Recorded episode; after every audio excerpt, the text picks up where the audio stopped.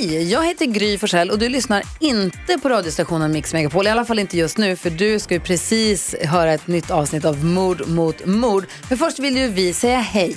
Hej, hej, det här är NyhetsJonas. Det här är Carolina Widerström. Och här är Gullige Dansken. Ja, och så Gry då. Och det vi vill säga att när du har lyssnat klart på den här podden, då får du gärna lyssna på våran. Vi spelar in ett nytt avsnitt varje morgon av våra podd Kvartsamtal. Och hela radioprogrammet blir ju också en podd om man är väldigt morgontrött eller så. Just det, om man missar morgonen ja. Men mest av allt så får du gärna lyssna på programmet i direktsändning varje morgon på Mix Megapol. Live varje morgon från klockan sex och då har vi med oss massor med vänner också. Thomas Bodström, Babben Larsson, Johan Pettersson, Krista Luuk. Massor med coola människor som bara dyker upp och gör livet bättre. Ja, som jag, Gullige Dansken. Exakt så. Och så mycket bra musik och annat skoj såklart. Så vi hörs när du vaknar på Mix Megapol. Podplay.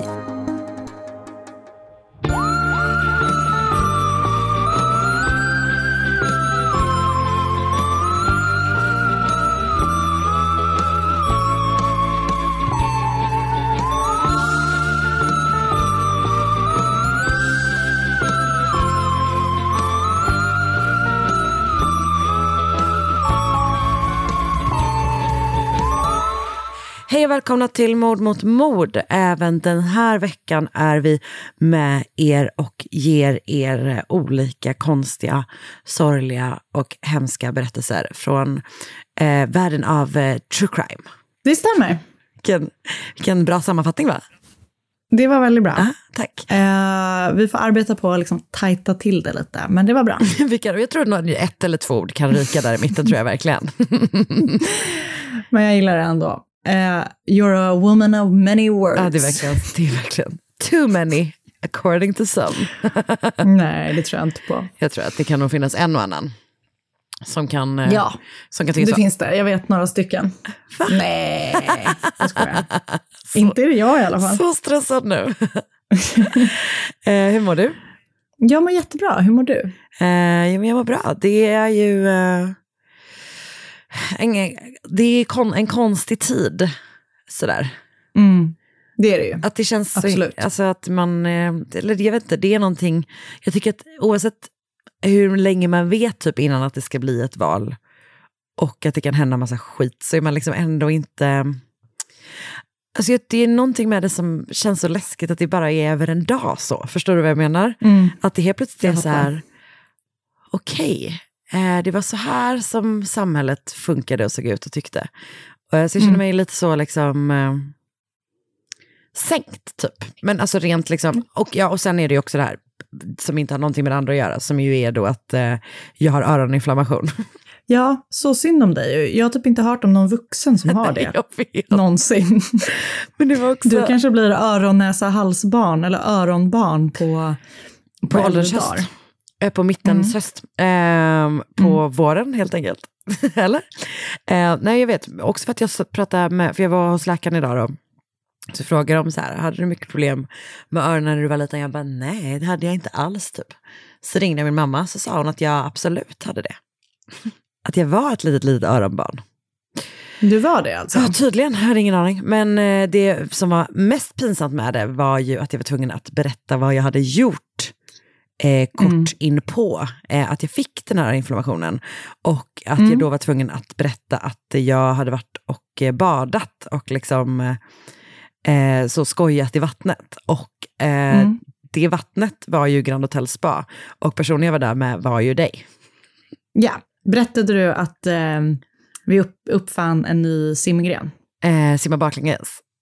Jag kallar det för baklänges sim. Okej, okej, okej. Ja, det, ah, oh, återigen, du tajtade till det.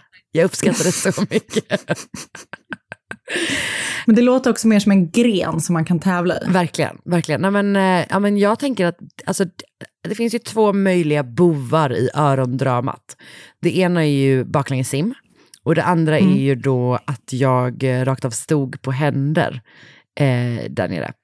Jag tror typ mer att det faktiskt är baklängessimmet. För att när man står på händer, då är ju vattnet liksom... Alltså det känns som att man vi skvätter mer i själva baklängessimmet. Just det, okej. Okay. Så du tänker att det är mer att det liksom har gått små vågor in i baklängessimmet? Ja. Gud, jag borde mm. frågat läkaren om, de, om det är vanligt just när man har uppfunnit ett helt nytt simstil, att det är ofta då som vuxna får öroninflammation. Antagligen. Nej men så det var verkligen att jag bara, ja det här känns ju ganska pinsamt men jag är då en vuxen person som var och badade och nu har jag öroninflammation. um, så att, uh, men så är det med det, så att jag hör nästan ingenting på högerörat men um, jag, lyssnar Så ju, jobbigt. jag lyssnar ju ändå nästan alltid bäst på vänsterörat. Tänker jag. Nu kan ingen säga till dig att du måste lyssna mer än vad du pratar eftersom nu har du bara ett öra Vänta. och en mun. Ursäkta mig, ah, är det här någon slags tema den här veckan? Att du ska insinuera att jag pratar för mycket? Nej, jag bara säger, du vet ju. Nu, Karin. Jag sa ju bara, du vet som man sa förr, att anledningen till att man har två öron och en mun är för att man ska lyssna mer och prata mindre. Men nu kan ingen säga det till dig för att du har bara en av varje. Okej, okej, jag förstår. Okej, men det, ja, så bra. Jätte, liksom, skön comeback. Jag ska, vet du vad, jag ska gå runt och prata så sjukt mycket de kommande dagarna bara för att hoppas att någon ska dra den på mig så jag kan liksom kontra. Ja. Japp. Okej, har du, eh, har du några tips? Sett något? Hört något? Lyssnat på Ehm, något? Nej, det är samma sak. Jag har, jag såg eh, den här, eh, nu ska man bara dubbelkolla vad den heter. The Girl in the Picture kanske. Ja, The Girl in the Picture på Netflix. Aha. Eh, som är då liksom en dokumentär som handlar om, ehm, det är en kvinna som dör liksom. I, ehm, i, hon blir på, alltså det är någonting som händer, hon, hon dör i alla fall, ung kvinna, 20 år gammal. Mm. Och eh, eh, så börjar man liksom utreda vem den här kvinnan är. För hon är inte den som man tror att hon är. Hmm. Det låter spännande. Mm. Det var spännande, väldigt hemsk. Är det Men en bra, serie på eller Netflix. en film? En film. Nice. Bra tips. Så den delade jag upp på två dagar. Perfekt. Det var lagom. Lite i taget. Perfekt. Mm. Eh, men ingenting annat. Du då? Eh, men jag har, vi har kollat, eller snarare typ att jag har sovit mig igenom i princip en hel säsong av eh, Only Murders in the Building. Mhm. Och det var en, vi började om, alltså för att båda två sov så himla länge. Men sen, sen så, eh, så vi har liksom sett den i två omgångar, varav vi har sovit ganska mycket i båda två. Men det är en väldigt, väldigt mysig serieupplevelse. Alltså det handlar om tre stycken, det är då, eh, vad heter det, det är Steve Martin. Det, Ja, det är den. Ja, exakt. Du har säkert sett reklam för den, för jag har fått så jävla mycket reklam för den också. Eh, det är ju Steve Martin och sen är det Selena Gomez och så är det Martin Short som eh, älskar en, de liksom blir kompisar över att de gillar en, en true crime ehm, eh, podcast som är så uppenbar, liksom serial eh, spoof, eh, som görs av Tina Fey, vilket också är typ en perfekt casting till en sån person. Ehm, och sen så är det någon som dör då i deras eh, eh, hus i New York och sen så måste de liksom, eh, så börjar de utreda det och göra en egen podd. Så att det är verkligen Okej. bara så här väldigt liksom mysig, härlig, rolig tittning typ. Så att den finns på typ kanske Disney plus tror jag. Ja, nice. Så den har vi Jag, såg, på, jag började faktiskt också titta på en, en brittisk deckarserie på SVT Play. Som heter Komm- Kommissarie Venn. Ja. Och den är, det är liksom en eh, ganska ung eh, liksom kommissarie då, som flyttar hem till North Devon. Alltid bra. Den är faktiskt ganska spännande. Jag, jag, jag, jag klämde tre avsnitt i rad och det händer ju inte så ofta. Nej, nej uppenbarligen. Du, du berättade precis att du delar upp en film på tre, två dagar. Exakt. Ehm, men för vi började kolla, vi kollade på den här Happy Valley heter den väl? Uh, Just jag. Men jag klarade typ inte riktigt, alltså jag var tvungen att avbryta det uppdraget. Mm. För att det var för hemskt. Nej, men jag klarade inte heller av att titta på den. Nej, okej. Ja men bra, då var vi, då fegar vi ur båda två. Men eh, så hur Jajamän. ställer sig den här på liksom, den skalan typ? Men den är, alltså, det är sjukt vackert där det utspelar sig, vilket Ja. alltid är ju ett plus. Ja. Ehm, han är liksom, ehm, det är lite spännande för det händer saker. Han har typ växt upp i något så lite kultliknande. Mm. Det sektliknande kanske man säger på svenska. Ehm, det, jag tycker den är bra. Den är liksom inte så här, den är inte, den är inte, den är inte, den är inte så jätteobehaglig om du förstår vad jag menar, men den Nej. är ändå spännande. Ja, Ja men det är exakt, det är ju typ det man vill ha ut av en brittisk deckare. Det var väl exakt det som var grejen med Happy Valley, att man bara, oh, ah, gud, nej det går Exakt, det inte. var too, too much. Ja. Det var typ lite too Nej, men den här much. tycker jag är mysig. Härligt, okej bra, Så bra tips. den kan man se. Och sen kan vi väl också säga till våra lyssnare att eh, vi eh, för en gångs skull faktiskt gjorde det vi sa att vi skulle göra i podden. Det vill säga diskuterade vår kommande deckarkarriär länge och väl under våran spadag. Alltså jag var helt upplyft Karin när jag kom hem. Det var så härligt. Var det inte det? Det var... Det kändes, det kändes sådär som man vill att det ska vara ett brainstorming-möte. När man feedar av varandra. Det var verkligen a brainstorming sesh som pågick. Exakt. Det poppade idéer, verkligen. Det var popcorn-style. Det var det. Och, och det fanns inga nej-sägare i den här, äh, i den här konstellationen kan jag säga. Inte en Men enda. vi får väl se när, när vi gör den där, du vet, man ska på sig olika hattar. Vad är det? Vad är det för Det finns en sån övning. Det finns en övning när man har så här, nu har jag gula hatten på mig, det är möjligheternas hatt. Eller nu har jag den röda hatten på mig, det är den negativa hatten. För att man liksom ska trycktesta, Ah, att, all, att alla liksom ska ha samma mindset när man pratar om en sak. så, men har man literal hatt liksom? Nej, Okej, tråkigt. men vi kan ha det. Jag kan det fixa det. Jag fixar det. Vi kommer helt enkelt ha brainstorming sesh slash hattparad. Det är så himla öppen för. Så härligt. Men för det jag tänkte var att nästa gång vi har eh, vår, eh, vår konferensdag, Ja. då ska vi ha spa och sen ska vi ha det största konferensrummet på Grand. Det ska vi verkligen ha. Med efterföljande bankett. Bara du och jag. Då vi ska sitta på varsin sida av ett sånt jättelångt bord. Absolut. Eh, och det kommer vara högtidsdräkt på. Ah, får jag låna av dig? Så jag ser gärna att du har, jag ser gärna att du har då tiara och handskar på dig för att liksom ändå känna att hur, hur do. högtidligt det är. Vet du vad, jag kräver, att, alltså jag kräver att alla rätter, inklusive typ så brödskålen, serveras under sån kupa, du vet. Ja, absolut. Det ska vara, det ska vara alltså, rök i alla kupar. Så, nej ingen rök. För då får såna Niklas Ekstedt typ komma dit och laga. Ehm, ja, nej absolut. Ja, men det du, kommer- sådana silverkupor. Ah, Okej, jag har ah. sett för mycket på Masterchef. Jag såg Ah, en sån glaskupa med rök i. Nej, nej, nej, nej. Inte en sån, utan silverkupor. Äh, det, ska, alltså, Mm. det ska vara så många silverkupor som passerar i revy. Kul. Har du sett? Kul när det kommer in en, eller kanske en ostvagn, tror vi. Ja, det men så lyfter de på kupan och så är det någon som överraskar oss som sitter där. vem då? kanske typ, eh, ja men kanske någon av de liksom främsta deckarförfattarna. Är det Camilla Läckberg som sitter där under den stora kupan? Åh, gud. Eh, det vore kul tycker jag. så Det skulle add bra. some Jag flavor också. redan. Mm. Okej, men då är det Eh, du jag som börjar spara till Läckbergs gage då. Verkligen. Då blir det om tio år. Verkligen. Jag ser fram emot att vi ska starta det, gratis. det målet i Dreams-appen. Läckberg i ostvagn. Eller så kanske hon kommer in som sån, du vet, som sån sushi-buffé som Samantha gör i Sex and the City. Nej, vi ska inte Nej, äta sushi från. Läckbergs nakna kropp. Nej, det är bättre att hon gör en surprise bara ur kupan. Jag håller Ja, med. och sen berätta sina, och sen berätta sina bästa deckarknep. Ja, Bra. Kul. Okej. Medan vi äter, vad är det, ost från hennes nakna kropp? Nej, nej, inte det heller. Ost från en tallrik. Okej, Okej, bra. Okej, bra. Mm. Eh, Men du, eh, vi sätter igång va? Det gör vi. Ny säsong av Robinson på TV4 Play.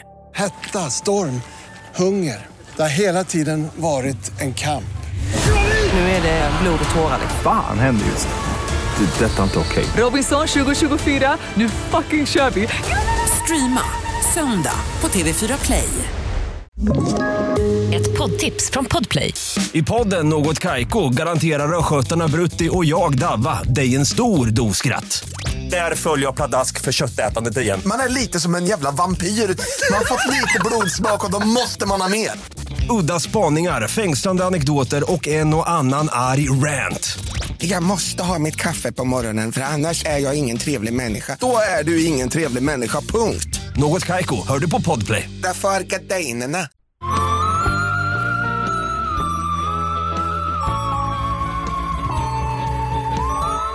Ashley Byers älskade dans och mer specifikt ballett. Hon hade dansat ballett hela sitt liv och arbetade hårt för att just få arbeta med det hon älskade. Men Ashley var lång och hon var då längre än alla de andra eh, som dansade ballett och eh, fick det liksom påpekat på alla auditions hon gick på. Så efter skolan, du vet, så börjar hon så här, pursue her dream, Ah. men får avslag gång på gång på gång. Och parallellt med det så försöker hon så här, lä- vet, ha dansskola för barn och du vet, hon syr typ upp så dräkter till dansföreställningar. Så hon, Så hon vill verkligen liksom, hon vill jobba med dans helt enkelt på ett eller annat Exakt. sätt. Mm. Ja. Men vill då helst såklart vara, liksom, jag vet inte om man använder det här ordet, men prima ballerina, liksom den huvudballerin, eller huvuddansaren. Liksom, vet inte om det är en uppsättningen. faktär. Nej, för jag har aldrig dansat balett. Har du det? Eh, ja.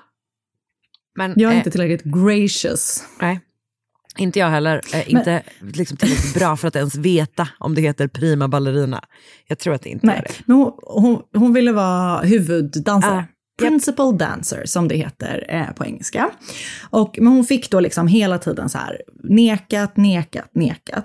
Och eh, i sex år efter skolan så åkte hon på auditions kors och tvärs över hela USA och blir liksom, ja men får rejections på de allra flesta. Så när hon var liksom drygt 20 då, så bestämmer hon sig för att lägga ner drömmarna om att bli det här och istället göra någonting annat med sitt liv. För att hon var också en ganska aktiv, eh, eller så här, hon blev då en ganska aktiv republikan. Ja. För eh, 2016 så eh, höll ju Donald Trump på att kandidera för att bli USAs president. En Och toppenperiod hon- att välja att bli väldigt aktiv rep- republikan. Mm. Ja. Men hon är liksom väldigt tagen av honom. Hon tycker han är toppen helt enkelt. Så hon liksom eh, blir en del av hans eh, Vaga crowd liksom. Exakt. Ehm, för att eh, hon då engagerar sig på lite olika sätt i hans valrörelse och enligt henne då så låter det som att hon har varit väldigt nära Donald Trump. Eh, du vet att hon så här, har fått åka med honom i hans privatjet. Hon typ, du vet, har berättat om att hon fick välja vilken slips han skulle ha på något möte och du vet så. Jag Förlåt, men är inte hans att grej att han bara har en slips? Eller liksom, den ser alltid samma ut.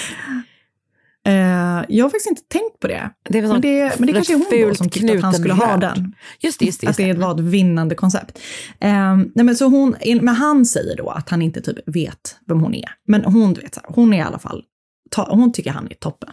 Och hon har då du vet, så här, stått på scen och slängt ut sådana maga t-shirts till liksom, crowden och gjort massa saker liksom, i hans valrörelse. Så vid något tillfälle då där, eh, i, mitt i valrörelsen, så befinner hon sig på en fundraiser för då Republikanerna. Hon var då 24 år gammal, hon är så här lång då, eh, supersnygg och då fångar hon en mans intresse. Mannen är då inte Donald Trump, eh, utan det är en man vid namn Doug Benefield. Doug var 54 år gammal när de träffades, alltså 30 år äldre än Ashley. Han hade tidigare varit eh, med i flottan eh, och nu var han då så här entreprenör och du vet så här klassisk affärsman. Han var eh, änka sedan nio månader tillbaka då hans fru hade gått bort i något eh, hjärtfel. Eh, och han och hans fru hade en dotter sedan tidigare då som var 15 år gammal och hette Iva. Så Doug och Ashley fattar liksom genast tycke för varandra. De ägnade hela den här fundraiserkvällen med att prata med varandra och de slås då av hur lika de är. För de har samma värderingar. De stöttar då båda republikanerna, båda var väldigt aktiva i kyrkan och båda två älskade vapen.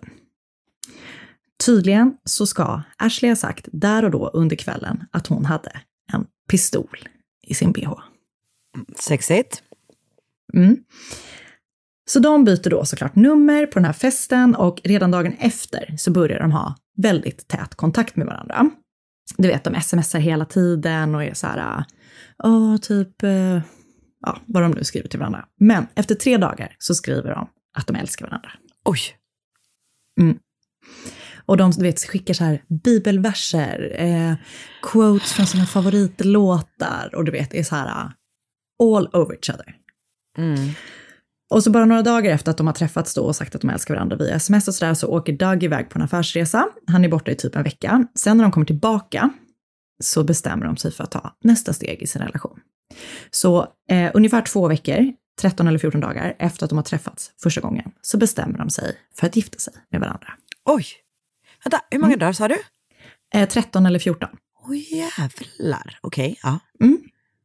Så en kompis till Doug som är präst viger dem eh, och det är typ nästan inga där för att bevittna det här. Ehm, och Doug berättar liksom inte ens för sin dotter Iva att de ska liksom göra det. Utan han ber att få prata med henne någon dag efter och då säger hon bara, jag behöver inte veta någonting om det inte är så att ni liksom ska förlova er. Och då säger han, vi har gift oss. Nej men så jäkla hemskt. Och det här landar ju, som du då förstår, inte särskilt bra hos Iva. Hon har ju då förlorat sin mamma bara nio månader tidigare. Hon var också den som hittade mamman avliden i deras hem. Och hon är liksom 15 år. Och nu har då hennes pappa gift om sig med en nio år äldre kvinna eh, som hon typ Som är aldrig ens har äldre. träffat. Just det, hon är, nio, hon är bara nio år äldre än dottern. Ja, och det var och typ, vad sa 30 år du, yngre 30? än-. Mm. Och jag, det jag vet typ inte om de har träffats eller om, om de har det så kan det ju ändå bara varit helt brief liksom. Äh, ja. Men hon blir liksom skitsur på sin pappa, för de har då efter mammans död framförallt blivit så super, super, super tajta verkligen. Så hon är bara så här, hur kunde du? Hon är så besviken och så Ja. arg. Och, men de liksom försöker ändå så här mergea familjen på något vis, eh, eller vad man ska kalla det för. Och Ashley då gör så här lite saker tillsammans med Iva för att försöka knyta an. Men Ashley då så här, eller Iva är ju bara helt ointresserad, vilket man verkligen, verkligen fattar. Och eh, Ashley verkar inte heller helt redo att ta sig an sin nya roll som styvmamma till en tonåring, för att hon blir jätte, liksom svartis typ på Eva. Och hon tycker också att det är jättejobbigt att Doug har haft eh, någon som han älskade innan han träffade henne. Oh my god, hon är verkligen 24. Ja, och det är precis, hon beskrivs så av liksom folk i kanske främst hans närhet då, att hon kändes väldigt omogen. Liksom. Ja. Det är ju för att hon är väldigt ung. Ehm, och liksom, hon har drömt om att typ ha en familj och så här. Och så blir det ju såklart inte som hon har tänkt sig, för han har ju ett helt liv bakom sig. Han har varit gift två gånger tidigare. Eh, och hon har varit gift en gång, men bara jätte, jättekort uppenbarligen. För att hon är ju 24 år liksom. Men man kan ju tycka typ så här, om du vill ha någon som inte har varit gift så himla många gånger och inte har ett 15-årigt barn, kanske typ inte bli ihop med någon som är 30 år än dig själv. Alltså, Absolut. det finns jämnåriga med färre barn. Absolut. Med färre 15-åriga barn. Det får man ändå hoppas på Ja, något vis. eller hur? Ehm, så det är liksom ganska, det är ganska liksom stelt, eller vad man ska säga, hemma. Eh, så för att pigga upp Ashley så bestämmer sig Doug en dag att han ska ta med Ashley på ballett. Och de går då, men istället för att bli glad, som Doug hade hoppats att hon skulle bli, så um, blir hon inte det. För att det påminner då henne om allting som hon ville och kunde ha haft, men som hon då inte fick. Så hon blir istället typ deppig och så här sorgsen när de är på balletten. Och när de går därifrån då så pratar de om så här, vad är det som hände? Och det verkar inte som att hon har varit helt tydlig mot honom, att hon har blivit liksom, fått avslag så många gånger. Eh, men då berättar hon så här, ehm, att, ja, vad, vad hon har upplevt. Liksom. Att det är en plats där liksom, det är väldigt så här, homogent, alla ska se likadana ut och du vet så. Och då säger hon typ så här, jag drömmer om att vi skulle starta en egen ballett där, vi liksom, där folk liksom tas in på, liksom tack vare sin talang, inte liksom hur de ser ut. Så att de så här, vi, vi kan tänka att vi kunde starta en ballett som liksom arbetade för mångfald, typ, för att främja så att, vi, att alla som är duktiga, oavsett hur de ser ut, får komma och dansa med oss. Typ. Ja. Jag känner mig så förvirrad av det här paret. Att jag emellanåt Ja. är typ så här, "Ugh." och sen så bara, hmm. så bara, "Ugh." Ja, Så Jag känner jag mig. Ja, Ja. jag fattar. Det kommer kanske fortsätta vara så, jag vet inte. Ja, Ehm, intressant. Men så de bara bestämmer sig och kör. Alltså, eh, de är så här, Ashley har erfarenhet från ballett. Doug är eh, affärsman och entreprenör. De döper sin nyöppnade ballett till American National Ballet. Ursäkta, är det inte taget? Ehm, men det är ju ändå så här, ja, de siktar högt helt enkelt. Yep. Och det här är ju stort, för de ska ju typ göra någonting som är helt unheard of. De, de då liksom ska, du vet, bryta eh, normerna i balletten. Typ. Så de bestämmer sig för att öppna upp den här balletten då, eh, American National Ballet i Charlestown i South Carolina, där då, som är, eh, det är från början eh, Dougs hemstad. Och så är de så här, okej, okay, vi typ, du vet, namnregistrerar, vi gör det här, men nu behöver vi också liksom dansare till mm. vår ballett såklart. Så de börjar med att reacha ut till en tjej som har varit i jättemånga headlines och rep reportage bara något år tidigare, för att hon har blivit uppsagd eh, från eh, sin ballett på grund av sin längd. En kvinna vid namn Sarah Murawski. Hon hade då liksom haft typ, liksom huvudrollen av en uppsättning. Eh, och en dag, precis innan hon skulle gå upp på scenen, så fick hon sparken på grund av sin längd. Hon är 1,79. Så att alltså, det är typ som jag. inte jättelångt. Eh, eller ja, det är väl kanske för sig ganska långt. Men ändå. De sa då att de tyckte det såg konstigt ut när hon dansade med kortare män. Och att det helt enkelt liksom inte funkade. Så hon Men, får sparken. Precis, precis innan, hon innan hon ska gå upp sen. Och sen så ska hon vara kvar hela säsongen ut. Nej! Va? Ja, så hon måste gå ut och dansa? Ja. Men alltså hela ballettvärlden känns ju faktiskt eh, fruktansvärd. Nej. Den känns inte helt eh, frisk faktiskt. Den känns som att den ofta är liksom superrasistisk och sexistisk och typ bränner ut folk till höger och vänster. Och att folks karriärer är så fruktansvärt korta. Alla blir mm. så gamla Alla när de är typ så 25. Sig, ja, exakt. Precis. Oh, gud. Ah, okay. Så hon har blivit uppsagd? Nej, men, hon blir uppsagd då. Mm. Och efter att hon har blivit det så blir det ändå väldigt mycket så uppståndelse kring det sättet hon har blivit uppsagd på, liksom på de grunderna. Eh, så Ashley bara så här, det här låter perfekt. Hon ska vara liksom ah. flaggskeppet, eller vad man ska säga, i Hon är så vår lång. ballett. Hon ska vara flaggstången. Exakt. Gud. Som sagt, hon är inte så lång, det är bara skoj.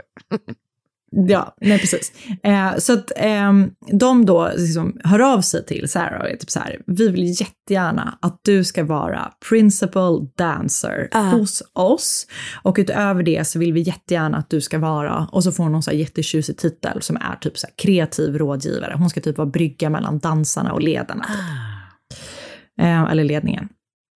Så Sarah bara så här, ja, det är klart jag vill det. Jag vill jättegärna vara med och liksom starta upp en ballettinstitution som arbetar för att främja mångfald inom balletten. Det låter toppen. Ah. I'm on board.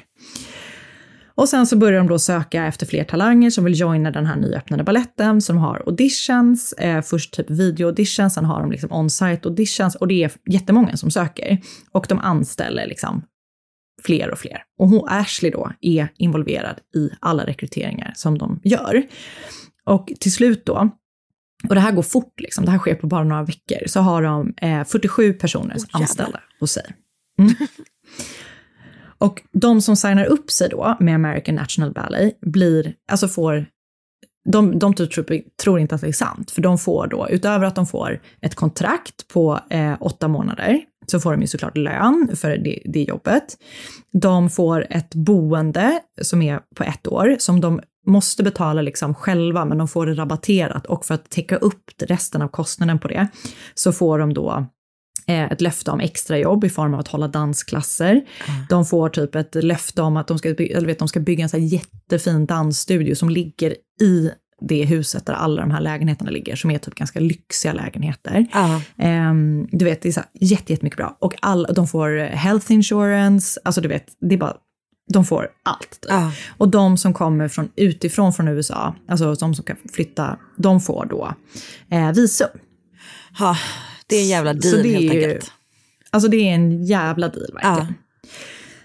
Ah. Eh, så allt liksom eh, går framåt med balletten. Eh, men även om då han är entreprenör och hon är dansare så har de ju liksom ingen erfarenhet av att faktiskt driva en ballett. Så de kontaktar en rådgivare, en man som heter Michael, som är så här jätteframstående person inom ballettvärlden. Och han är typ lite skeptisk först och bara så här, hur fan ska de få det här att gå ihop? Eh, men när han får höra att Doug har säkrat 10 miljoner dollar från en investerare till att få igång balletten ordentligt så tänker han så här, okej, okay, fan det här är ändå bra, liksom, jag är med. Mm. Så han tillsammans med Ashley ska då ta hand om allting som har med balletten att göra och Doug ska hantera allt som har med liksom själva affären att göra. Så det låter ju tryggt och att Doug då redan har lyckats säkra enormt mycket pengar till den här balletten när i liksom en värld som all, där alla kämpar typ för att få resurser till sig, du vet. Um, men det som inte framgår då för de involverade är att Doug har ett gäng ganska misslyckade projekt bakom sig. Han har startat jättemånga, eller jättemånga, men han har startat flera företag som har gått i putten antingen innan eller precis när de har startat upp. Ah. um, men hur som då, han har stora planer för American National Ballet. Han säger i en intervju precis innan de håller på att öppna att Eh, han planerar att starta liksom ett touring company, eh, ett till touring company utöver den här första gruppen som han har gjort. Han vill mm. också starta typ någon slags stiftelse för, för performing arts. Han vill göra, skapa ett medieproduktionsbolag. Han, de ska göra brandade danskläder, de ska ha så en kedja av dansstudios runt om i landet och så ska de göra typ en realityserie, typ som So you think you can dance eller någonting sånt. Mm. Så han har stor stilade planer att leverera på. Men samtidigt då alltså, som de verkligen ska kicka igång Balettimperiet, alltså bara typ några dagar eller vet vecka innan de ska eh, öppna, så har det då, eller det har de haft innan också, de har det inte helt stabilt på hemmafronten. För eh, Ashley har ju liksom varit svartis på att Doug har ett tidigare liv och ju längre tiden gick så blev hon liksom mer och mer svartsjuk på Iva då, Doug, Dougs, Dougs dotter. Mm. Så hon började, vet, så här, göra märkliga saker. Hon typ tjuvläser Ivas dagbok och det gör då Ashley såklart galen, för det står inte helt positiva saker om Ashley i boken. Vilket ju är helt fine, för att Mm. det är hennes privata dagbok. Ehm, så Ashley blir rasande och bestämmer sig för att berätta för Doug om det hon har läst i dagboken. Men han tar ju såklart sin dotters parti. Så han blir skitsur för att eh, Ashley har läst Ivas dagbok. Och det här gör Ashley ännu mer ledsen och upprörd, för hon vill ju då att Doug alltid ska sätta henne först och sådär. Så det här blir lite typ, jag vet inte om det är exakt i startskottet, men det liksom blir katalysatorn till att de börjar bråka som fan liksom. Ah. Och det här bråket liksom spårar ur. De står och skriker på varandra och till slut tar Doug upp en pistol. De har liksom pistoler hemma. De Alla älskar ska vapen. Så han tar upp en pistol som han kastar in i en vägg precis bredvid Ashley, där hon står. Så jäkla läskigt. Och den här typen av bråk liksom bara fortsätter. De bråkar hela tiden om stort och smått och det blir ofta väldigt upphetsat och Doug är ofta väldigt utåtagerande. Du vet, han slår hål i väggen vid något tillfälle. Han slår deras stackars hund eh, när den typ hoppar och skäller någon gång under tiden de bråkar. Vid ett tillfälle när de bråkar om någonting så tar Doug också upp en pistol och skjuter bara rakt upp i taket. Så jävla obehagligt. Alltså det är så jäkla läskigt. Men du vet, så här, allt det här pågår hemma hos dem, men utåt så fortsätter de fortfarande bara, liksom, de beter sig som ett helt kärleksfullt par utåt. Du vet, de har bröllopsmottagning med en massa vänner och familj. Eh, typ två dagar efter det här bråket när han har skjutit upp i taket. Shit. Mm. Så de, du vet, det känns så jäkla läskigt att de har så, här, så bråkigt och så obehagligt hemma och sen så utåt ser det typ att de bara smile. Men eh, ja, så det, de har det krackigt hemma och samtidigt då så närmar sig öppningen av balletten. Så när de väl är igång eh, med balletten, när de har öppnat sådär, så märker dansarna eh, att alla de här löftena som de har fått från Doug och Ashley, de stämmer inte överens Nej då. med det som de får. De hade ju till exempel då blivit härliga, lovade en härlig så här, luftig studio som låg i anslutning till deras lägenhetskomplex, som de då tvingas att bo i, eh, för att de har gjort någon deal med det här lägenhetshuset. Men den finns inte. Eh, så de får träna i typ en så här studio som ligger långt bort från där de bor, som är pytteliten, de får typ inte plats allihopa. De har också lov, blivit lovade att de ska få hålla lektioner för att liksom dryga ut sin kassa. Det får de inte göra. Eh, de också, de, helt plötsligt så får säger eh, ledningen på American National Ballet att de har dragit in bidrag till att köpa skor till dansarna. Och de får, har, det visar sig att balletten har liksom inga planer för deras första show. Eh, det finns ingen plan för hur de ska träna, hur de ska rollsätta, du vet. Allting känns bara helt oseriöst. Och till slut då, när de ska betala ut, när de ska få sin lön, första lönen utbetalad, så får de inte den. Så de blir ju skitsura och bara, vad fan är det som händer? Och liksom, de får pengar till slut. Men då får de lönen i kontanter istället för att få du vet, utbetalt som en riktig lön. Du vet, det dras inga du vet, eh, Inga skatter. försäkringar Nej. på inga skatter och så här. Så att de får det då i handen, i bara kontanter. För det ska sen visa sig då eh, att det beror på att bolaget typ inte har några pengar överhuvudtaget, utan att Doug har då lånat ihop pengar privat för att betala ut de här då lönerna. Mm. Och när alla dansare då tänker att de ska få svar från Ashley, som faktiskt är den som har vet, anställt dem, som de har haft en relation med, så här, Doug har ju bara varit någon typ lite mer i bakgrunden, så eh, finns hon inte tillgänglig. Hon bara slutar dyka upp på biljetten, eh, balletten och eh, typ hör inte av sig, svarar inte och sådär. Så ingen vet var hon är. Okej. Så var är Ashley, tänker du? Mm. Mm. Nej, men så här är det då. Ashley har blivit gravid. Hon väntar sitt och Dougs första barn. Och hon har mått helt sjukt illa. Du vet, så här, hon ligger i sängen, hon kommer typ inte upp, hon kan inte äta, hon mår piss verkligen. Och det här händer då precis liksom, alltså allting sker väldigt, det här, allt med balletten och allting, det är liksom typ under en månad som det här händer. Så det är väldigt tajt. Men hon får typ reda på att hon blir gravid precis när de håller på att starta upp och bara vi kör får köra på ändå. Men hon kan inte liksom vara där för att hon mår för piss helt enkelt. Så hon ligger hemma i sängen och Doug får ta hand om henne. Du vet, han kommer med te på sängen till henne varje morgon och eh, sådär, ta hand om henne. Men det är fortfarande inte bra mellan Doug och Ashley. Det är frostigt hemma. Så hon bestämmer sig för att åka till sin mamma i Florida för att ta en timeout. Så det är skit mellan Doug och Ashley. Det är skit i bolaget. Ehm, så att det är så här dåligt kan man väl säga för alla inblandade. Härligt. Så Ashley befinner sig. Mm.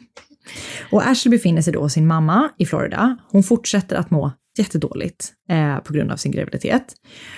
Och till slut har hon mått dåligt så pass länge så att hon börjar bli misstänksam. Och det här är skitskumt, för man själv hade aldrig gjort den här kopplingen. Men hon misstänker att någonting är fel. Eh, så hon skickar in en hårslinga till ett labb för att få den analyserad. Om det liksom är något fel på henne typ. Och när testsvaren kommer tillbaka så visar resultatet att hon har farligt höga halter av massa olika tungmetaller. Eh, som aluminium, kobolt, zink och barium. Okej. Och läkaren som ger henne hennes testresultat säger att det är troligt att hon har blivit utsatt för de här sakerna av en tredje part med uppsåt att förgifta Nej. henne. Mm. Så Okej. nu jävlar, tänker Ashley, har Doug förgiftat henne varje morgon genom hela hennes graviditet när Med han har gett henne te. Mm. Okej. Så en dag bestämmer sig då Ashley för att sätta sig i bilen med sin mamma. Och de kör hela vägen från eh, Sarasota i Florida till Charlestown. Och de åker hem till Ashley och Dougs hem och hon packar ihop allt hon äger där och sen lämnar hon en lapp, eller typ ett brev på flera sidor, eh, där hon berättar för Doug varför hon lämnar honom. Hon skriver att hon är rädd för honom, att hon inte längre orkar vara så osäker runt honom. Hon, du vet så här, du är opålitlig typ. Hon skriver att hon inte vill ha någon kontakt med honom eh, och säger typ så här, do not harass me or my mother, vi kommer inte svara, om du typ hör av dig så kommer vi eh, begära besöksförbud. Sådär. Men han är inte redo att ge upp typ hur lätt som helst. Han så här, hör av sig, bönar och ber, han ber om ursäkt, säger att han ska ändra på sig, vill att hon ska komma tillbaka och du vet sådär. Och han fortsätter att höra av sig i flera månader, men hon svarar inte. Och parallellt med det här då, som att deras, eh, liksom allt det här händer privat, så har det gått total south med balletten. För en dag så kallas alla dansare in till studion. Och nu har det alltså, jag tror att det varit up and running i en månad ungefär. De kallas in till studion. Där får de skriva på en NDA, alltså du vet ett papper som gör, säger, jag härmed säger att jag inte ska berätta någonting för någon om det som sägs här inne. Japp. Eh, och sen får de då veta att American National Ballet ska slås ihop med ett annat dansföretag. Och på grund av den här ihopslagningen så kommer hälften av danserna att sägas upp. Uh. Och det här är alltså människor som typ alltså lämnat sina liv och flyttat till Charleston för att gå med i det här danskompaniet. Ja, allt. De har, du vet, signat upp sig, de ska betala en lägenhet i ett år. Oh, Nu- nu jävlar, har de ja. liksom En månad. Alltså du vet, de har lämnat fucking allt. Och det här händer då mitt under säsongen, så det är inte heller så att de så här, Kan hoppa på något annat. de kan inte dra, nej. Oh. Och de sägs då upp på grunderna av att de inte passar, eh, passar in i Nej. den nya, den Nej. nya balletten.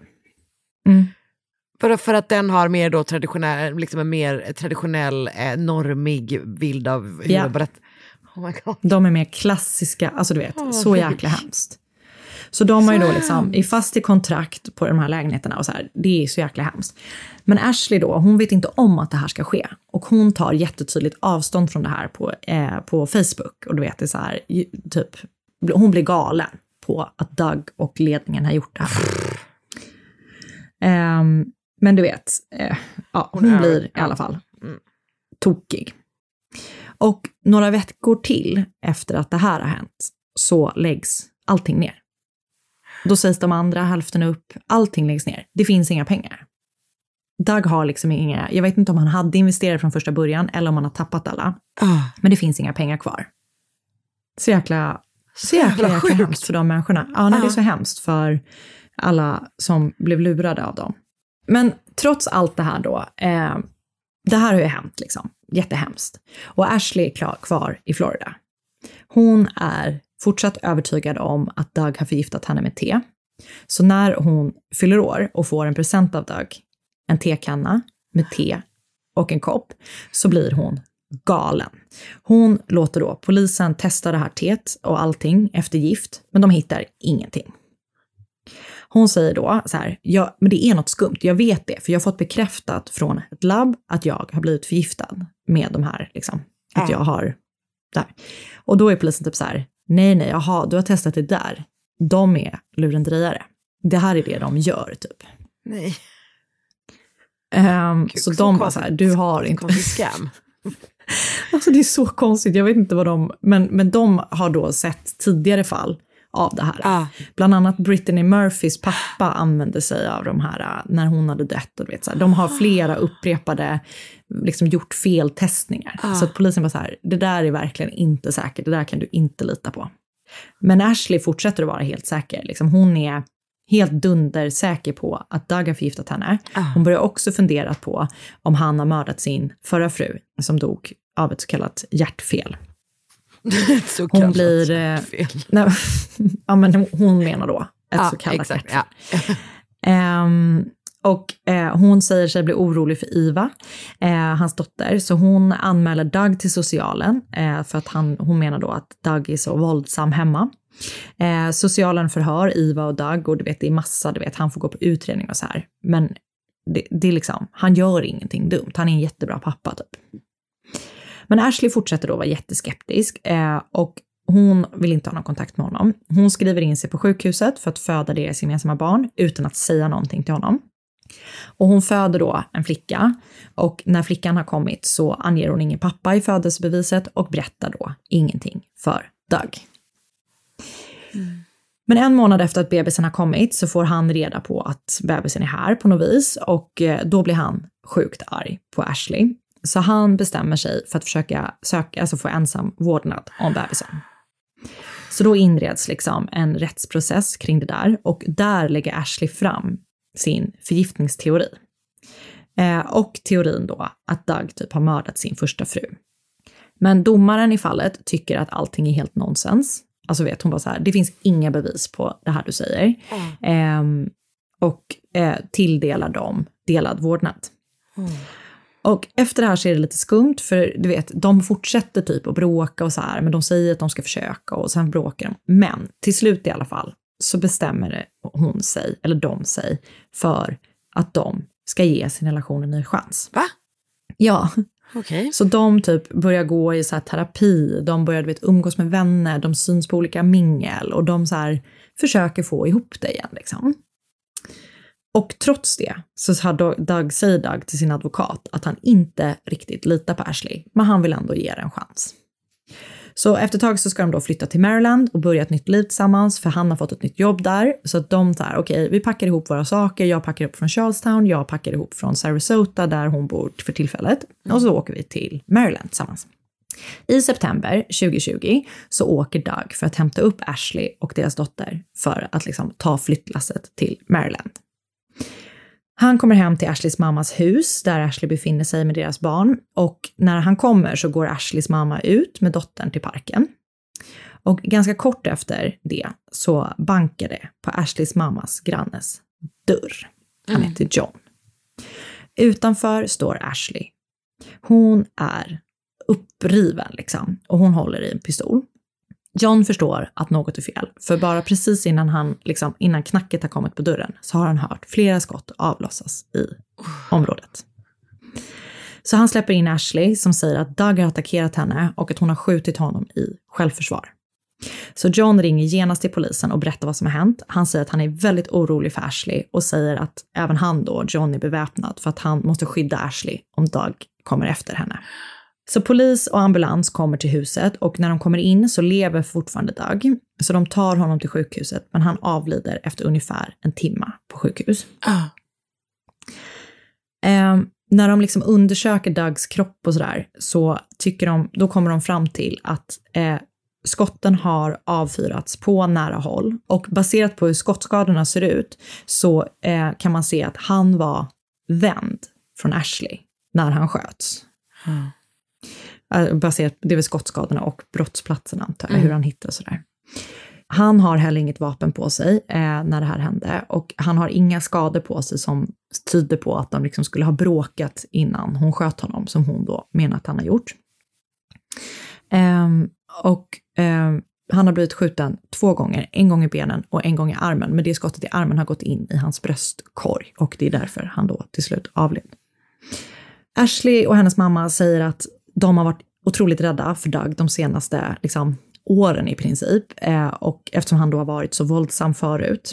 Och det, Ashleys mamma säger bara, det är klart att det var så här det gick till. Min dotter skulle aldrig mörda någon, liksom, utan han måste ha gett sig på henne. Men det finns inga bevis som tyder på att det är så. Hon grips och åtalas för mord eh, och hon är för tillfället ute mot borgen och får träffa hennes dotter som bor med mormor. Och hennes rättegång inleds först 2023. Ah, så man vet ingenting än liksom. Så man vet ingenting vad som händer och hon har än så länge inte liksom uttalat sig någonting om det, vad jag kan hitta. Men det som känns, och det är skithemskt, alltså det är så otroligt hemskt. Man bara tänker alla som har, du vet, fallit offer för henne och Doug i olika utsträckning. Det Ja. känns så sorgligt. Och det känns extra sorgligt med Dougs dotter Iva som då har förlorat båda sina föräldrar på bara några år. Och hon har berättat, hon är jätteaktiv på TikTok och sådär och berättar typ om eh, vad som har hänt henne och så. Och hon har berättat då att hon förstod redan morgonen efter att hennes pappa hade dödats, eller att någonting var fel.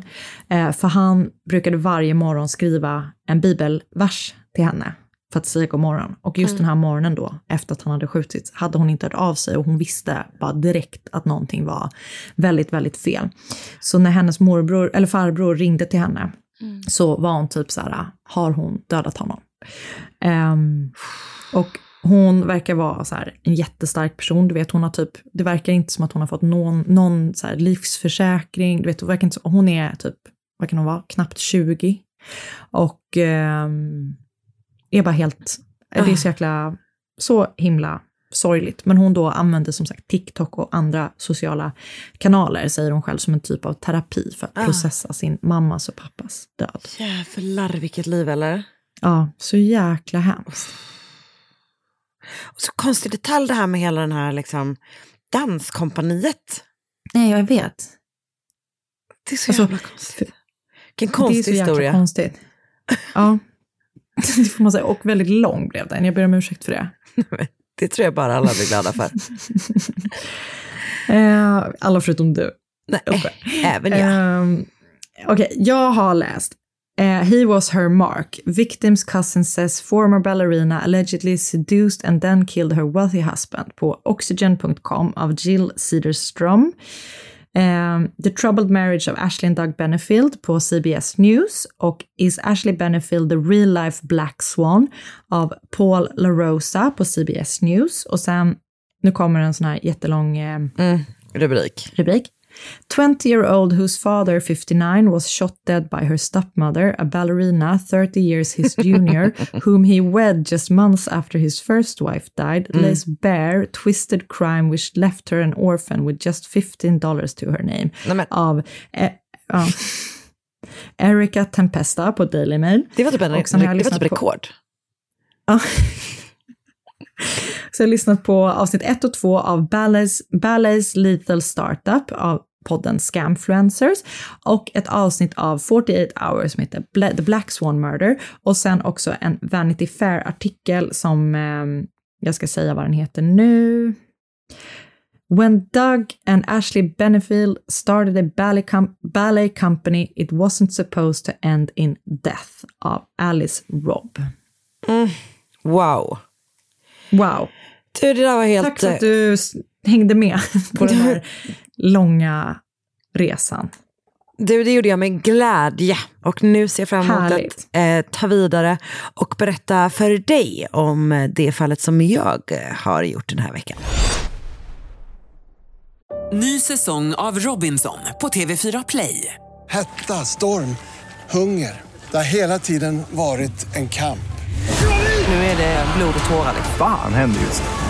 Det. Detta är inte okej. Robinson 2024, nu fucking kör vi! Streama söndag på TV4 Play. Ett poddtips från Podplay. I fallen jag aldrig glömmer djupdyker Hasse Aro i arbetet bakom några av Sveriges mest uppseendeväckande brottsutredningar. Går vi in med hemlig telefonavlyssning och, och då upplever vi att vi får en total förändring av hans beteende. Vad är det som händer nu? Vem är det som läcker? Och så säger han att jag är kriminell, jag har varit kriminell i hela mitt liv men att mörda ett barn, där går min gräns. Nya säsongen av Fallen jag aldrig glömmer på Podplay.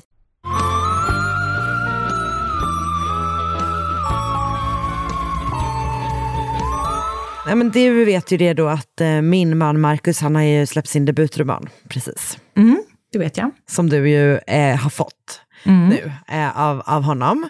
Som heter en, en bra plats i skallen. Och eh, det har gjort att vi eh, tänker mycket på böcker i vår familj. Mm. Så tänkte jag så här, okej, finns det några bokbrott? Har vi några bokbrott att jobba med? Eh, och jag hittade ett brott som är så himla konstigt att jag typ inte riktigt vet vad det, vad det är. Liksom. Eh, Så att jag ska berätta om en jättekonstig scam. Det är någon slags phishing-bedrägeri som drabbar den internationella bokbranschen mellan 2016 och januari 2022. Och under de Okej. åren så terroriserade en påläst tjuv förläggare, redaktörer, översättare, författare, litterära agenter och scouter för att få tag på osläppta manuskript. Mhm. Konstigt va? Mm. Men du vet, eh, phishing-försök på mail är ju ofta att man, man får ju det se ut som att det nästan är ett rätt mail. Liksom. Eh, och att eh, den här personen fejkar då olika eh, mailadresser från olika personer i branschen. Så att det kan till exempel vara så att eh, en mailadress kopplad till det välkända förlaget Penguin Random House istället då Mm. fick mail eh, snabla penguin randornhouse.com. Så att man byter ut ett M till ett RN, för om man kollar snabbt så ser det likadant ut. Typ. Ah. Ehm, så det är så klassiskt phishing-bedrägeri. Liksom. Och jag tänkte att jag ska berätta om ett specifikt exempel så att du liksom fattar hur det kunde gå till. Och det jag har Mhm. valt är då vår alldeles egen eh, Millennium-serie. För Mhm. Anna, den svenska förlagsbranschen var i allra högsta grad även den utsatt för den här boktjuven. Eh, har du läst David Lagkrans, är alltså då eh, liksom rebooten av Millennium-serien. Hans eh, Mannen som sökte sin skugga. Det är den andra Eh. boken av hans, tror jag. Det har jag nog. Men jag var inte lika tagen av dem som... ehm, Nej. Stig? Larsson. Stig, eh, Stig Larsson, tack. Ja, Men eh, jag, jag, jag, jag har läst dem, absolut. Ja, men eh, det som händer då i alla fall, att den här serien är liksom en internationell supersuccé och det är sjukt mycket hemlighetsmakeri kring den här boken då, som sagt är David Lagercrantz andra bok i Millennium-serien.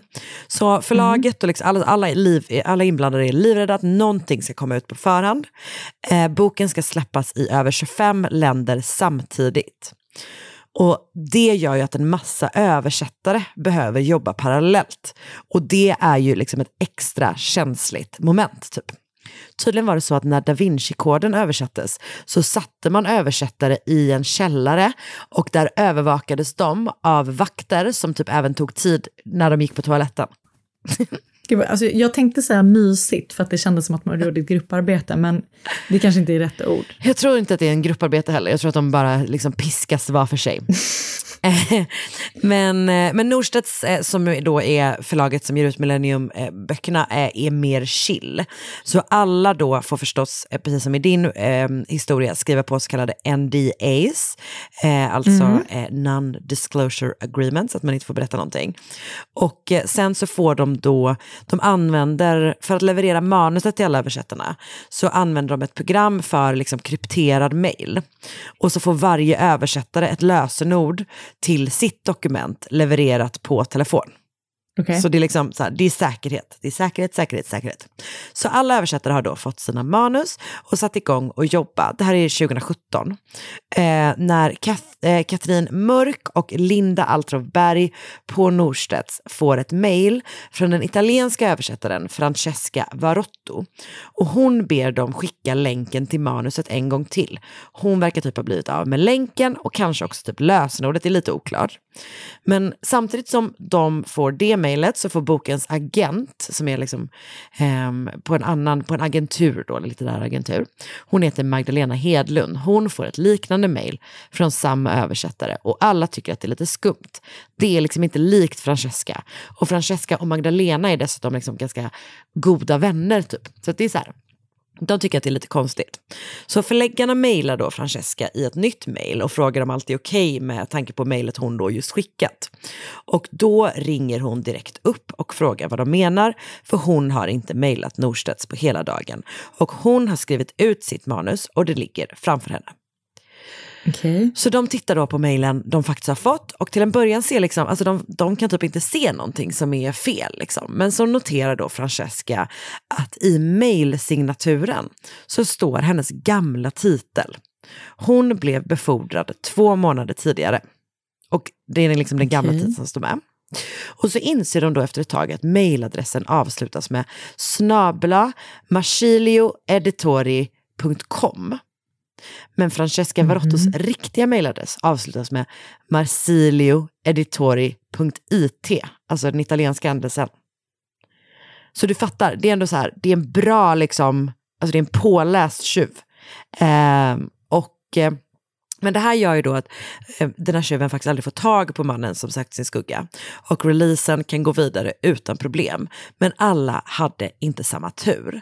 Eh, till exempel när Margaret Atwoods Handmaid's Tale-uppföljare The Testament ska släppas så försöker tjuven så intensivt få tag i det här manuset i flera månader från flera olika personer. Och det gör att liksom agenturen blir så liksom nojig att de inte vill dela det slutgiltiga manuset med de här olika förlagen som ska ge ut på olika ställen. Typ. Så hela liksom releasen av den boken skjuts upp på grund av den här tjuven som inte fått tag på Nej. manuset. Så att de liksom skjuter upp hela, hela släppet. Typ. Hur sjukt? Vad sjukt. Ehm, och det, jag tror att han, den här tjuven håller på i typ så åtta månader och försöker få tag på det här manuset. Men ehm, så han får, inte, eh, han får inte tag på det manuset, han, men han får då tag på typ, alltså hundratals andra manus. Och vissa är typ så här världssuccéer eller böcker skrivna av kändisar, alltså sånt som verkligen är så här, har sprängstoff typ. Men det som är riktigt konstigt är att andra är skrivna av helt, kan vara helt så här okända debutanter. Eh, du vet någon som har skrivit böcker som typ inte säljer någonting. Det finns någon exempel som är typ att det är en så här 70 sidor lång holländsk novell och en debutroman som handlar om en revisor som blir spårdam. Alltså du vet, inte liksom givna Nej. succéer typ. Ehm, men den här tjuven ger sig på liksom alla olika delar av branschen på ett så konstigt sätt. Så under de aktiva åren så gav sig boktjuven på över 200 företag i mer än 30 länder och använde sig av 300 fejkade domännamn. Och de här fejkade domännamnen är då köpta med stulna kreditkort.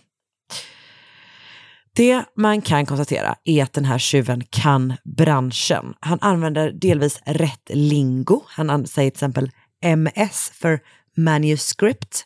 Eh, men han vet också liksom hur maktstrukturen ser ut, alltså typ så flödet av manus, hur den ser ut i branschen om du förstår. Alltså när det är rätt läge att Ja. kanske fråga en agent och när det är rätt läge att fråga en förläggare typ.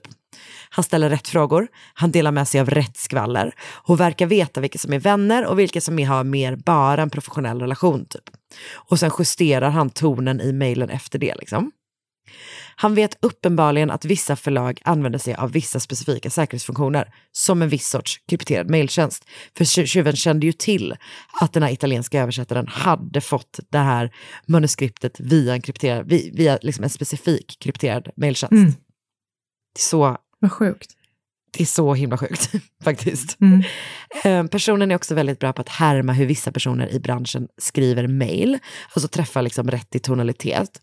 Det finns en assistent som berättar att enda anledningen att hon anade oråd var för att hennes chef aldrig skulle säga please eller thank you. Och det är så taskigt. Ehm, och mycket kan ju liksom förklaras då med att den här tjuven helt enkelt är en insider, alltså one of their own, som kan snacka för sig och känner många. Men i vissa fall så är det också uppenbart att tjuven har tagit sig in i folks inkorgar. Alltså du vet, den kan liksom till exempel svara på mail eller frågor som typ just har kommit in i inbox. Alltså du vet så här, att han liksom är väldigt Men snabb på att agera och svara verkligen på så här specifika frågor typ. Sjukt. så att den, alltså, han rör sig i folks inkorgar på ett eh, så himla obehagligt sätt. Typ. Men det märkligaste med den här scammen är då ändå att, typ, att det liksom inte riktigt finns något tydligt motiv. Alltså, många av de här böckerna hade gått att få tag på om man bara frågade. Typ. Framförallt om man är då en som jobbar i branschen. Men det finns gott om teorier om vad motivet kan vara. Så här kommer några stycken. Eh, Det finns de som tror att det, det, det är någon som använder det här som eh, liksom en phishing scam träning för att kunna göra tyngre lukrativa scams längre fram. Ah, det finns det. eh, de som tror att det kan vara ett ryskt kulturkrig mot väst. Det finns de som tror att böckerna ska säljas på svarta marknaden, användas för att utpressa förlagen, att personen är en illa behandlad bokbranschanställd långt ner i hierarkin som vill hämnas. Några tror att det kan vara ett IT-säkerhetstest som någon som vill sälja IT-säkerhet till förlag utför. Eller så Jäklar tror vad- man att det kan vara ett eh, sätt att lura pengar av läsare som är sugna på de stulna böckerna. Ehm, så då tror man typ att man kanske erbjuder liksom eh, som säkerhet du vet, delar av ett manuskript så att folk typ matar in sina kreditkortsuppgifter uppgifter Ah. och sen så tar de pengarna. Någon sån grej typ. Men grejen är då, att, alltså det som är riktigt konstigt är ju då att inga manus dyker upp någonstans. Alltså tjuven verkar inte göra någonting med sitt stöldgods. Alltså så konstigt. Jag vet, det är så jävla konstigt. Och efter ett år så verkar branschen vara rätt överens om att gärningspersonen nog kan jobba som scout, är en väldigt så spridd teori. Och jag visste typ alltså, inte... Jag tänkte bara, jag tänkte Alltid redo. bara alltså, i skogen. scout, scout. Mm. Sjöscout. Eh, Nej, Han vill ha med sig en, en god läsning ut på sin Alltså, tog en eh, ga- ganska bra teori. tripp. Det var en sjöman. Ehm, nej men, eh, jag visste typ inte om att den här funktionen fanns. Liksom. Men en scout i då, är då alltså en person vars jobb är att typ tipsa till exempel eh, en, alltså Hollywood Studios om typ att så här, det här är en bok som ni borde göra film av. Och då måste man vara, Mm. eller så är det typ att man kanske är så här, man kanske tipsar ett eh, internationellt förlag om så här, ni borde köpa rättigheterna till den här boken som är från det här landet typ. Så att, ehm, alltså det är helt enkelt någon som, alltså det bygger väldigt mycket på att man får tag just på manuskript väldigt tidigt i processen typ. Ofta får man det genom Mm. kanske typ kontakter, men man tänker att så här, det här kanske är någon som har liksom hittat sitt egna lilla sätt typ. Men grejen är att man hittar då heller inga bevis för att några av de här stulna manuskripten har gått bakvägar till några så Netflix-chefers bord heller. Allting är svinkonstigt. Som du förstår så är ju branschen uppslukad av det här. Alltså det här är ju så spännande och så konstigt och också obehagligt såklart. Eh, vem av deras egna är det som är den här svinkonstiga tjuven? Och det skvallras och det spekuleras och snart har man en misstänkt. Eh, åtminstone så är liksom den New York-baserade bokbranschen verkligen, verkligen övertygade om att de har kommit på vem som kan vara inblandad i det här. Så Vulture-journalisten Reeves eh, Wiedemann och hans kollega, ska vi se vad hon heter, hon heter eh, Lila Shapiro. De gräver i det här fallet och blir också tipsade om den här misstänkta. Och den här personen är en italiensk född förläggare som folk helt enkelt verkar tycka illa om. Han är typ inte så social, han inte, verkar inte vara så härlig. De verkar inte gilla honom typ. Och att engelska då inte är hans första språk stämmer överens med hur den här tjuven skriver, tycker man. Den här tjuven skriver på väldigt många olika språk. Ehm, men inte alla är liksom perfekta och engelska är till exempel inte perfekt då. Så under en period tror man verkligen att man har hittat rätt person. Delvis för att det ser ut som att tjuven har råkat skriva in sitt riktiga namn istället för den han låtsas vara i, ett, liksom, i en mailsignatur vid ett tillfälle. Men också delvis för att en fejkad domän är registrerad i hans namn. Men snart visar det sig att det bara är den riktiga tjuven som verkar ha liksom lagt ett litet sidospår. Typ. Det är nästan som att han har vetat att den här personen var misstänkt och liksom velat peka ditåt lite mer. Typ. Så man vet fortfarande Vem inte. är det då? Ja, men, eh, jo, men det finns en gripen så du behöver inte oroa dig, det är inte helt olöst. Ehm, under pandemin så blir tjuven mer och mer aggressiv. Under augusti 2020 så börjar han tappa det rejält. Han hotar folk med att citat, jag kommer liksom läcka manus. Det är inte ett citat, det är min sammanfattning av vad han säger. Jag kommer läcka eh, liksom det här manuset om du inte ger mig det här manuset. Så att han liksom hotar för att få fler manus. Han attackerar folk väldigt långt ner i hierarkin och anställer till exempel översättare för att läsa igenom olika manus och komma med sammanfattningar. Och för det ska de då få 150 dollar. Men när sammanfattningen är levererad så kommer inga pengar. Han registrerar en sajt som ser ut som någon databas som typ ett New York-förlag använder. Och där lurar han då anställda att logga in så att han får tillgång till deras inloggningsuppgifter för den riktiga sidan. Så han liksom tar sig in i någon slags databasgrej typ. Och sen så börjar han också, och det här är så jävla taskigt, han börjar skicka utdrag ur stulna manus till, till författarna som han skrivit dem. Som, alltså bara för att fucka med dem. Vad sjukt. Eh, och du vet, det kan också typ, i vissa fall så är det typ okorrade manus. Och det är, jag har läst intervjuer med ganska många så, eh, eller författare som har typ djup panik för att de bara, jag vill liksom aldrig se manus i den här formen. Vad och nu är det någon person som bara, jag har ditt manus. När Linda Altrov Berg, som var då en av de här förläggarna som hade hand om Millennium-serien, eh, när hon kontaktas igen om liksom, den här gången så är det av en spansk redaktör som ber om en bok som den här Linda vet om att den här personen typ aldrig skulle vara intresserad av. Då inser hon att tjuven är tillbaka i hennes inkorg. Och därför svarar hon typ så, keep dreaming. Och då får hon direkt svar på svenska. Hoppas att du dör av coronaviruset. Nej. Tjuven hotar också journalisterna Reeves Wiedemann och Lila Shapiro och verkar veta när de har pratat med vittnen så att han liksom så här, du vet när de har pratat med olika personer eller vittnen men gjort intervjuer helt enkelt så är det ganska vanligt att tjuven hör av sig till de som de har intervjuat. Typ. Han försöker också scamma journalisterna, bland annat så låtsas han vara Reeves bokagent. När Lila Shapiro frågar rakt ut om inte tjuven vill träffa dem så är han först typ lite öppen för det. Eh, men när hon föreslår att de ska ses i Cobble Hill i Brooklyn så får hon då det här mejlsvaret. How about fuck you Hill? Or I can meet you at Silly Cunt Square. Take my advice, drop this stupid article and stop with it immediately. Jag tyckte bara det var lite fyndigt. How about fuck you Hill? Ja. Eh, Så nu har alltså scammen pågått i fyra års tid och flera stora förlag, bland annat Penguin Random House och Simon and Schuster, har gått ut och officiellt varnat för tjuven. Samtidigt så har man kopplat in FBI, så FBI utreder, bokbra- bokbranschen skvallrar, journalister gräver och till slut så har FBI sin man. Men han bor inte i USA. Så det dröjer till januari 2022 innan boktjuven stiger av ett flygplan på JFK Airport och då slår fällan igen. Då åtalas den italienskfödde, obs inte samma italienskfödde som var med i- som jag pratade om innan, utan det här är en ny italienskfödd Londonboende person. Han heter Filippo Bernardini. Han är en 29-årig rättighetskoordinator på just Simon Schuster. Eh, Och han åtalas för wire fraud, aggravated identity theft eh, och det gör han för att han citat impersonated, defrauded and attempted to defraud hundreds of individuals i över fem år.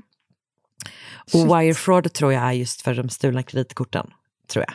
Mm. Så den här personen då, han är uppvuxen någon timme utanför Rom och skriver som tonåringen romanen Bully, som han får utgiven på något litet förlag. Och han skriver den under det väldigt, väldigt hemlighetsfulla pseudonymen Filippo B. Bully handlar om att vara en tönt men att få respekt när man får tag på en tidig kopia av en av Harry Potter-böckerna och sen bestämma sig för att bli en bully själv. Han är väldigt bra på språk, han pratar flera språk flytande och ett gäng helt okej. Han älskar verkligen böcker. Efter skolan så flyttar han till Milano där han pluggar kinesiska och börjar jobba som korrläsare. Och eh, under den tiden så postar han mycket skrytbilder på Instagram på så här osläppta böcker han får läsa typ. 2015 så flyttar han till London för att läsa en master i publishing och i skolan så tycker folk att han är självsäker, högljudd och nära på otrevlig. Han dejtar någon väldigt rik man och skryt, skryter mycket om typ hur mycket pengar de bränner och så. Han verkar vara liksom Mm, så här, uppblåst, alltså riktigt pompös person, grandios självbild typ.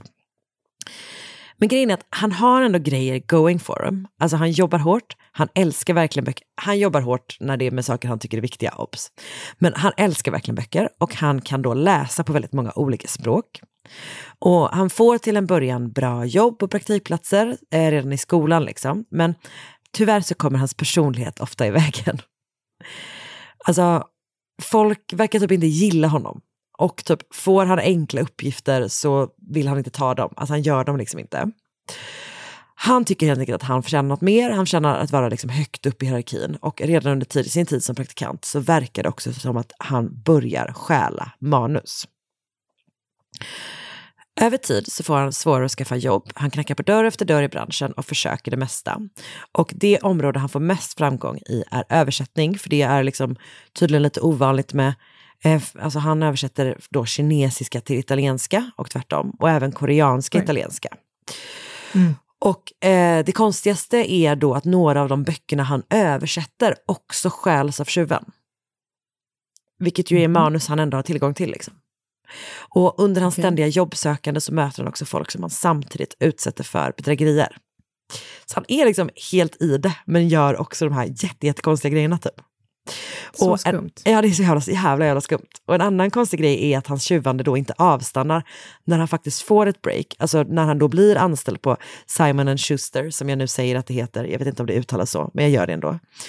Och han får liksom så här också ganska stora framgångar med böcker han har översatt som typ ligger på lite så topplistor i Italien och sådär. Så att det liksom går, börjar ändå gå bra för honom. Men det verkar liksom inte spela någon roll. Det är liksom ändå som att han måste hämnas på den här branschen som kanske inte riktigt förstår då hans enorma stolthet. Typ. Storhet menar jag. Så han stiger i, av ett plan i New York i januari i år och häktas. Men han betalar borgen och bor vad jag förstår hos en kompis i New York. Han erkänner sig inte skyldig och eftersom rättsprocessen inte är avklarad än så vet vi inte riktigt exakt vad som hände och hur FBI hittade honom. Och vi vet ju då inte heller någonting om motiv uppenbarligen. Eh, men vad jag förstått så verkar man säkra på att han är den boktjuv som har terroriserat den litterära branschen i fem års tid av ingen riktig anledning alls. Vad sjukt. Hur sjukt? alltså, det, ska, det finns Jo, för jag har då läst Reeves eh, Wiedemann och Lila Shapiros long read för Vulture som har titeln The Spine Collector. Eh, som är jätte, jättebra. Jag kommer länka den i gruppen. Den är faktiskt toppen. En klassiskt härlig long read som går in i mm. detalj. Och sen har jag även läst eh, Reeves uppföljande text efter att då Filippo Bernardini gripits.